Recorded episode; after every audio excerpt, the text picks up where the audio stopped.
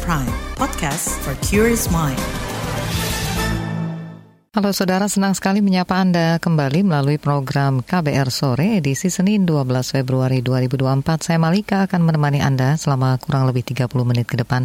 Saudara, selama sepekan menjelang pemungutan suara pemilu 2024 ini, berbagai pihak mengkhawatirkan munculnya serangan fajar dari kontestan pemilu untuk memperoleh dukungan suara. Serangan fajar menjadi salah satu potensi kerawanan pemilu yang menjadi perhatian Badan Pengawas Pemilu atau Bawaslu RI. Serangan fajar merupakan istilah populer dari politik uang. Bentuk serangan fajar tidak hanya berupa uang, tapi juga bisa berupa barang, jasa, atau materi bernilai lainnya yang diberikan kandidat politik kepada pemilih. Berdasarkan kajian pakar politik Burhanuddin Muhtadi, Indonesia masuk dalam negara dengan tingkat politik uang tertinggi ketiga di dunia. Lantas seberapa kuat Bawaslu mengantisipasi dan mengawasi serangan fajar? Kita akan bahas lengkapnya di KBR sore.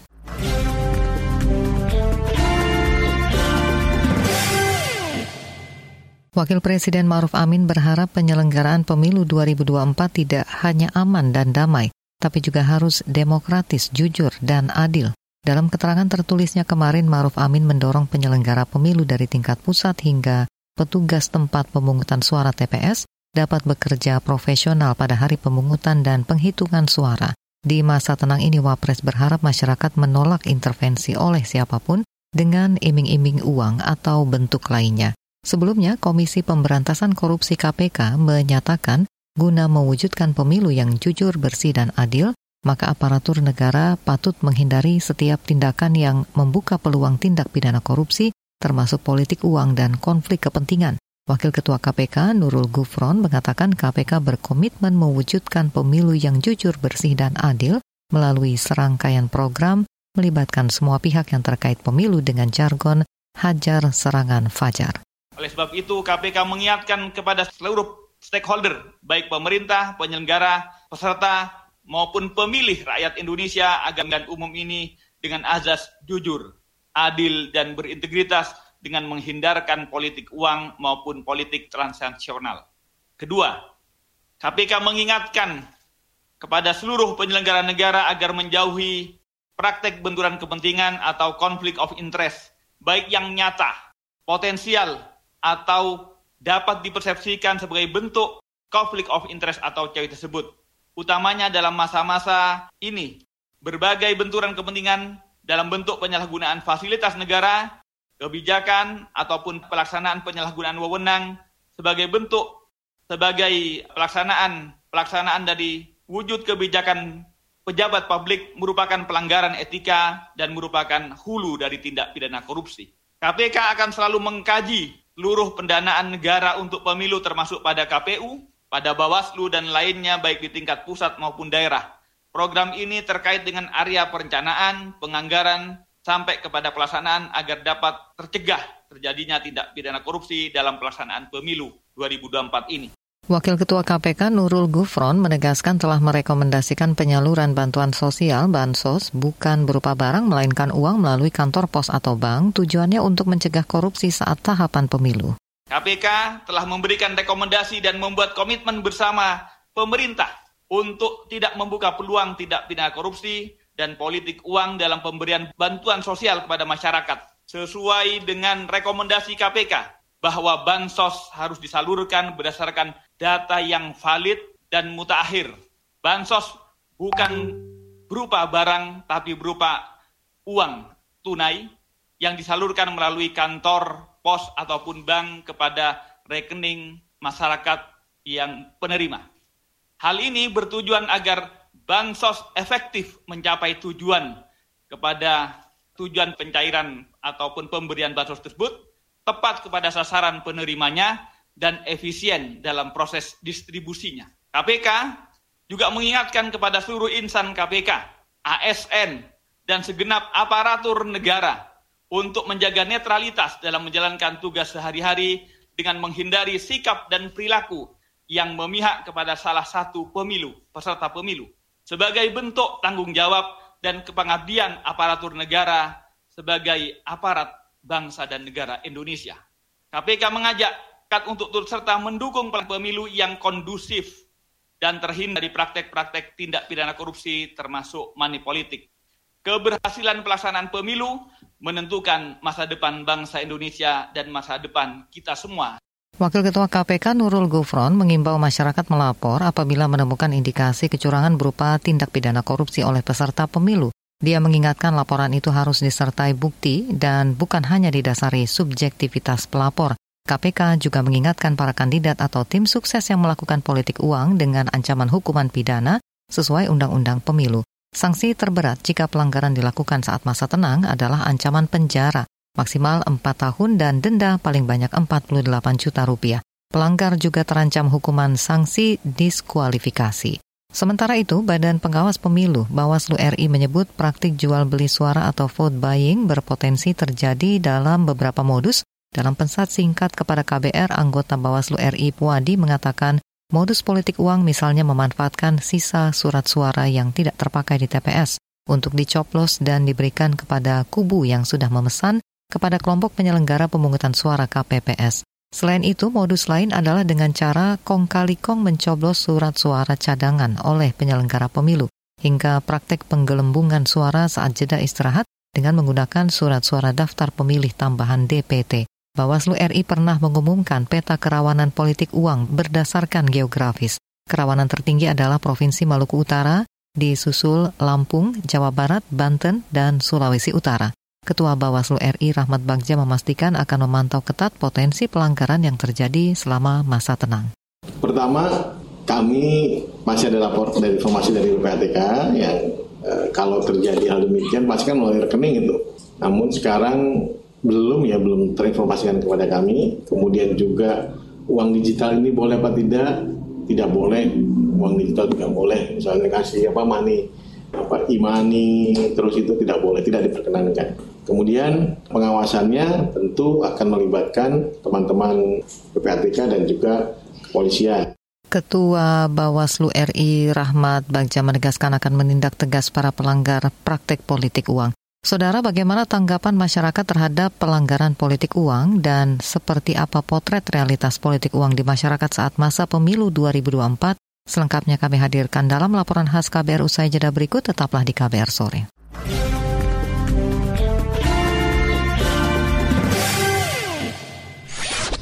Commercial break. Commercial break. Yang baru, yang baru, yang baru.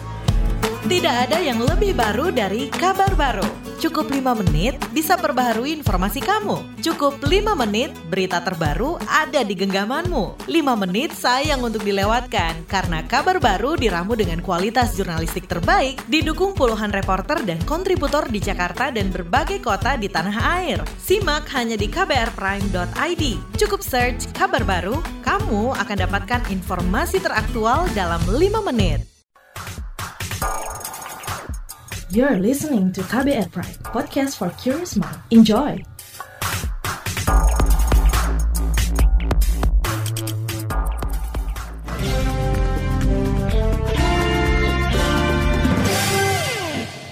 Saudara politik uang masuk salah satu indeks kuat kerawanan pemilu tahun ini. Praktik curang itu biasanya meningkat mendekati hari H pencoblosan atau kerap disebut serangan fajar. Lantas bagaimana masyarakat menyikapi politik uang menjelang pemilu 2024? Kita simak laporan khas KBR yang disusun Astri Yuwanasari. Enggak, itu nggak pergi, tapi itu dititipin amplop sama Mbak Yuni. Belum dia papain mau tak kasih anak yatim apa itu duitnya. Itu tadi Ibu Widya, warga Depok, Jawa Barat. Ia mengaku menerima undangan dari salah satu peserta pemilu melalui grup WhatsApp ibu-ibu. Widya tidak menghadiri undangan tersebut ibu mau dapat undangan seratus ribu mau ngasih ngasih katanya seratus ribu. Tapi kemarin barusan dibuka pada amplopnya katanya cuma lima puluh. Terus pada nanya katanya kemarin mau ngasihnya cepet kok ngasihnya cuma gocap gitu katanya. Kan kemarin udah dibeli nasi bungkus gitu. Berdasarkan studi Lembaga Pemantau Pemilu, Demokrasi and Electoral Empowerment Partnership atau DIP Indonesia pada pemilu 2019, kalangan perempuan rentan tergoda politik uang. DIP mencatat, sekitar 72 persen responden mengaku menerima politik uang. Mayoritas adalah perempuan. Faktornya antara lain kurangnya literasi hingga masalah ekonomi. Selain perempuan, kalangan anak muda atau pemilih pemula juga rentan disasar politik uang. Apalagi lebih 56 persen total pemilih dalam pemilu 2024 adalah anak muda dari generasi millennials dan zillennials. Ian misalnya, warga asal Kolaka, Sulawesi Tenggara ini mengaku pernah menerima 100 ribu rupiah dari salah satu peserta pemilu di daerahnya. Saat itu ia pemilih pemula dan masih SMA. Terus yang tawarkan itu adalah salah satu tim sukses dari paslon tersebut waktu itu saya menerima ya karena dulu waktu masih butuh duit buat jajan. Ian yang saat ini bekerja di Jakarta mengakui praktik politik uang sangat lumrah terjadi di daerah. Eh, hal-hal seperti ini sangat lumrah ya di terutama di daerah-daerah ya terkait serangan fajar ini dan memang sudah biasa terjadi. Salah satu taktik untuk uh, memenangkan pemilihan ya dengan memberikan uang ya yang dinamakan serangan fajar. Lain lagi kata Jena, mahasiswi di salah satu perguruan tinggi di Jakarta. Tahun ini Jena untuk pertama kalinya menggunakan hak pilihnya. Jena mengaku belum pernah dijanjikan uang oleh peserta pemilu. Namun, jika itu terjadi, Jena akan tegas menolak. Personally aku bakal nolak sih secara keras karena kalau misalkan aku menerima itu kan berarti uh, aku harus uh, aku secara nggak langsung aku berjanji bahwa aku akan memilih caleg atau paslon tertentu di pemilu mendatang nanti. Jena menyebut sebagai generasi muda harus bisa lebih melek dan kritis dalam menentukan masa depan bangsa lima tahun mendatang. Kalau misalkan untuk memilih itu, kalau menurutku selain kita melihat apa namanya proker ke depannya, kita lihat juga bagaimana mereka menanggapi tentang masalah-masalah di Indonesia karena masalah di Indonesia ini tuh banyak banget terutama yang di highlight itu adalah orang-orang yang korupsi. Cia, seorang mahasiswi di Palmerah Jaksel juga akan melakukan hal sama jika ada yang menawarkan politik uang untuk memengaruhi pilihannya pada pemilu 2024. Dan apabila saya dihadapkan dengan kondisi ini di pemilu mendatang, yakni pada tanggal 14 Februari 2024, tentu saja saya akan menolak dengan tegas dikarenakan saya memiliki hak dan kebebasan untuk dapat memilih pilihan sesuai hasil riset dan hati saya. Ia mengakui sering menemukan praktik politik uang dalam hajatan lima tahunan.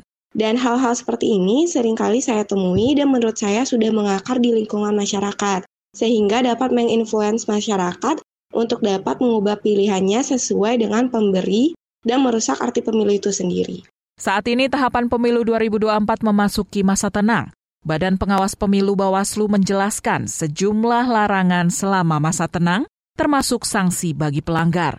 Salah satunya politik uang. Dalam Undang-Undang tentang Pemilu dijelaskan tentang larangan menjanjikan atau memberikan imbalan kepada pemilih untuk memilih partai politik peserta pemilu. Sanksi bagi mereka yang melanggar ialah penjara maksimal 4 tahun dan denda maksimal 48 juta rupiah. Demikian laporan khas KBR, saya Astri Yuwanasari. Itu tadi laporan KBR mengenai tanggapan masyarakat atas praktek politik uang pada pemilu kali ini. Saudara ketiga perwakilan pasangan calon presiden dan wakil presiden berkomitmen untuk melawan politik uang. Seperti apa caranya informasinya hadir usai jeda tetaplah di KBR sore.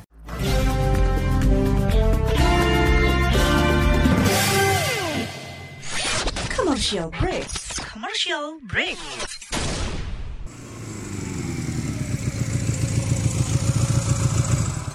BC paket. Yuhu, paket buletin pagi aku udah datang. Isinya lengkap banget. Ada berita-berita menarik dari berita politik, ekonomi, sosial budaya, sampai berita olahraga. Penasaran isi selengkapnya? Dengerin aja di kbrprime.id. Search Buletin Pagi. You're listening to KBR Pride, podcast for curious mind. Enjoy!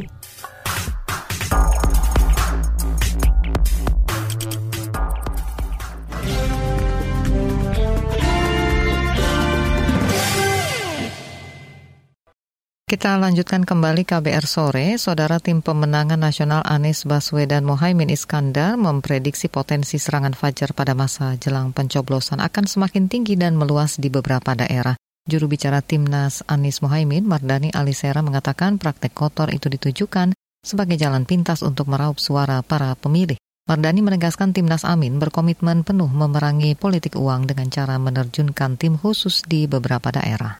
Yang pertama serangan fajar adalah penyakit dan kanker demokrasi harus diperangi. Dan caranya sederhana, semua pihak harus ikut serta memerangi serangan fajar. Laporkan, rekam, dan hukum mereka yang melakukan serangan pajak. Karena itu sangat merusak demokrasi. Timnas Amin betul-betul berjuang untuk memerangi serangan pajak. Begitu. Uh, kita buat satgas anti politik uang tidak banyak, tetapi kita melakukan patroli dan koordinasi dengan tim lapangan. Mardani mendorong Bawaslu RI menindak tegas seluruh dugaan kasus pelanggaran pemilu 2024. Menurutnya Bawaslu memiliki peran penting dalam jalannya demokrasi. Bawaslu harus betul-betul mampu menegakkan peraturan, menghukum mereka yang salah, dan melakukan keterampilan pembuktian yang kuat ya, sehingga mereka yang ber, berniat jahat itu takut untuk mewujudkan niatnya. Sementara itu, tim kampanye nasional TKN Prabowo Subianto Gibran Raka Buming Raka tidak khawatir akan adanya politik uang di masa menjelang pencoblosan. Juru bicara tim kampanye nasional Prabowo Gibran, Herzaki Mahendra Putra mengatakan pihaknya sudah melakukan pendekatan secara intens dengan masyarakat melalui program yang ditawarkan komitmen yang jelas gitu bahwa bagaimanapun kita ingin pemilu ini bisa berjalan jujur adil ya aman damai dan demokratis. Bagi kami sedang gala daya upaya telah kami lakukan bertemu langsung masyarakat menyapa langsung dengan masyarakat menjelaskan seperti apa visi misi dan program kerja yang akan kami lakukan gitu untuk membuat rakyat lebih sejahtera ke depannya gitu ya. Nah, sehingga bagi kami sebenarnya yang paling penting adalah bagaimana kader-kader kami ya kekuatan-kekuatan para pendukung Pak Prabowo dan Mas Gibran dari tiap partai maupun dari para relawan maupun unsur-unsur lainnya termasuk unsur-unsur masyarakat ya yang tersebar yang tanpa kami ketahui juga gitu yang terus secara intens melakukan komunikasi kepada masyarakat kepada akar rumput yang langsung. Sebenarnya kalau kita sudah melakukan itu semua ya, ya sebenarnya potensi politik uang itu akan menjadi semakin minimal kan begitu? Minimal tapi jika misalnya mohon maaf gitu ada yang kurang punya daya tarik ya kan kurang dikenal publik ya kan lalu ya upaya-upaya terakhirnya melakukan politik uang kan begitu? Untuk pihak feedback seperti itu. Tapi kan kami saat ini elektabilitas tinggi sekali gitu ya. Ya bagi kami melihat juga masyarakat ya mengimbau tolong kalau ada yang misalnya menawarkan uang kalau dari kami ya kita pilih sesuai dengan hati nurani kita mana yang terbaik gitu. Di lain pihak, tim pemenangan nasional TPN Ganjar Pranowo Mahfud MD mendorong seluruh tim pendukung dan para relawan untuk tidak bermain curang. Juru bicara tim pemenangan nasional Ganjar Mahfud, Ciko Hakim, mengatakan praktek curang tidak sesuai dengan nilai yang dijunjung Ganjar Mahfud dalam upaya memenangi pemilu dengan cara terhormat. Kami pastikan dari pihak TPN Ganjar Mahfud berkomitmen untuk tertib dan tidak melakukan pelanggaran-pelanggaran selama masa tenang ini. Apalagi hal-hal yang sifatnya pidana seperti money politics. Harapan kami dan perintah kami ke seluruh jajaran eh, tim maupun relawan dan para caleg dari partai-partai pendukung paslon Ganjar Mahfud adalah untuk tertib, tidak melakukan pelanggaran, tidak melaksanakan kampanye dan mengikuti aturan-aturan yang berlaku. Dan pada prinsipnya tentunya kami mendorong eh, Bawaslu untuk sigap ketika menemukan ada temuan-temuan pelanggaran karena Bawaslu ini kan sifatnya undang-undang pemilu itu buk, tidak hanya delik aduan tetapi juga temuan. Tentunya kami memiliki tim yang melakukan uh, pemantauan dan pergerakan-pergerakan dari segala potensi kecurangan dan harapan kami juga masyarakat tentu berperan aktif itu tadi klaim dan komitmen dari tim sukses tiga pasangan calon presiden. Saudara, sebagian kalangan pegiat anti korupsi menyerukan agar Bawaslu aktif dalam mengantisipasi pelanggaran politik uang. Apa saja usul kelompok masyarakat sipil dalam penguatan pengawasan jual beli suara? Selengkapnya sesaat lagi di KBR sore.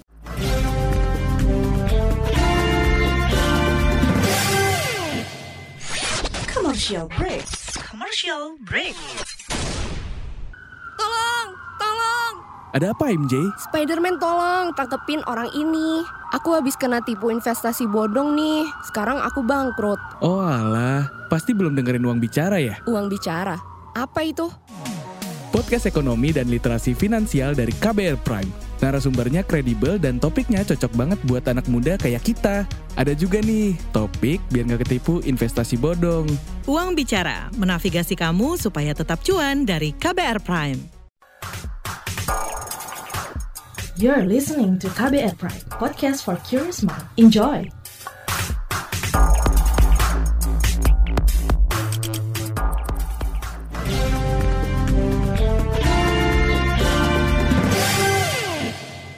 Anda masih mendengarkan KBR sore, Saudara LSM pemantau korupsi ICW mendesak lembaga pengawas pemilu Bawaslu melakukan terobosan dalam mengawasi potensi pelanggaran serangan fajar. Perwakilan Divisi Korupsi Politik ICW, Sera Tamara, meminta Bawaslu mencari solusi menghadapi sejumlah kendala dalam pengawasan politik uang, termasuk keamanan pihak pelapor.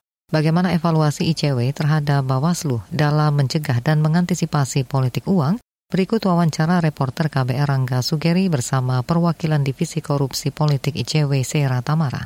Apa dampak buruk dari politik uang ini ya Bu? Ya, tentu dampak buruk dari politik uang ini akan merusak kualitas demokrasi kita gitu ya, karena potensinya adalah nanti orang-orang yang terpilih, calon pejabat publik yang terpilih itu bukan lagi dipilih karena gagasan, bukan lagi dipilih karena track record yang baik, serta rekam jejak yang bagus dan kinerja di masa sebelumnya ketika orang tersebut sudah menjabat yang menunjukkan kinerja yang juga baik begitu ya. Tapi pada akhirnya kenapa ini bisa merusak kualitas demokrasi karena ya calon pejabat publik akan saling bertarung dengan kekuatan uang lagi gitu.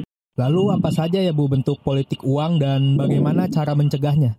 Sebelumnya mungkin kadang-kala ketika kita bicara soal politik uang, sering kali orang menganggapnya itu hanya uang saja gitu ya, uang cash gitu, uang kertas, padahal nggak hanya lebih dari itu. Tapi politik uang itu juga bisa berupa bentuk yang lain selain daripada uang, bisa berupa materi ataupun bisa berupa benda, bisa jasa dan lain sebagainya. Karena sebenarnya apa ya, politik uang ini kita lihat esensinya jangan hanya barang yang dikasihnya berupa apa, apakah uang doang, tapi materi dan barang dalam bentuk apa pun yang dikasih, yang mana dalam pemberiannya itu dimaksudkan untuk mempengaruhi suara dari orang yang diberikan itu gitu. Entah dia suruhannya adalah untuk memilih calon tertentu atau tidak memilih calon tertentu atau untuk berbuat sesuatu lah dengan hak pilih dia. Nah, itu udah bisa masuk ke dalam politik uang. Lalu terkait evaluasi tindak lanjut pengawas pemilu Bu dalam mitigasi politik uang ini termasuk serangan fajar itu bagaimana ya Bu? Iya, tentu kalau kami sih berharapnya lembaga pengawas pemilu dalam hal ini Bawaslu bisa bersikap proaktif gitu ya dalam menangani laporan-laporan masyarakat yang sudah masuk misalkan melaporkan dalam politik uang dan lain sebagainya. Selama ini kan praktiknya ada beberapa kendala memang dalam menangani kasus politik uang gitu ya. Misalkan salah satunya banyak masyarakat yang khawatir dalam melaporkannya karena takut gitu misalkan nanti uh, terkait keselamatan dirinya, bagaimana ketika melaporkan. Tentu Bawaslu juga harus menjamin perlindungan data, perlindungan keselamatan dari orang-orang yang akan melaporkan politik uang gitu. Di sisi lain memang kita juga perlu mengakui bahwa ada gap dalam regulasi kita yang sering kali menjadi hambatan dalam penindakan terhadap politik uang. Itu tadi wawancara reporter KBR Rangga Sugeri bersama perwakilan Divisi Korupsi Politik ICW, Sera Tamara. Saudara informasi tadi menutup jumpa kita di KBR Sore edisi Senin 12 Februari 2024. Pantau selalu informasi terbaru melalui situs kbr.id, Twitter kami di akun @beritaKBR serta podcast di alamat kbrprime.id. Saya Malika bersama tim yang bertugas undur diri. Salam.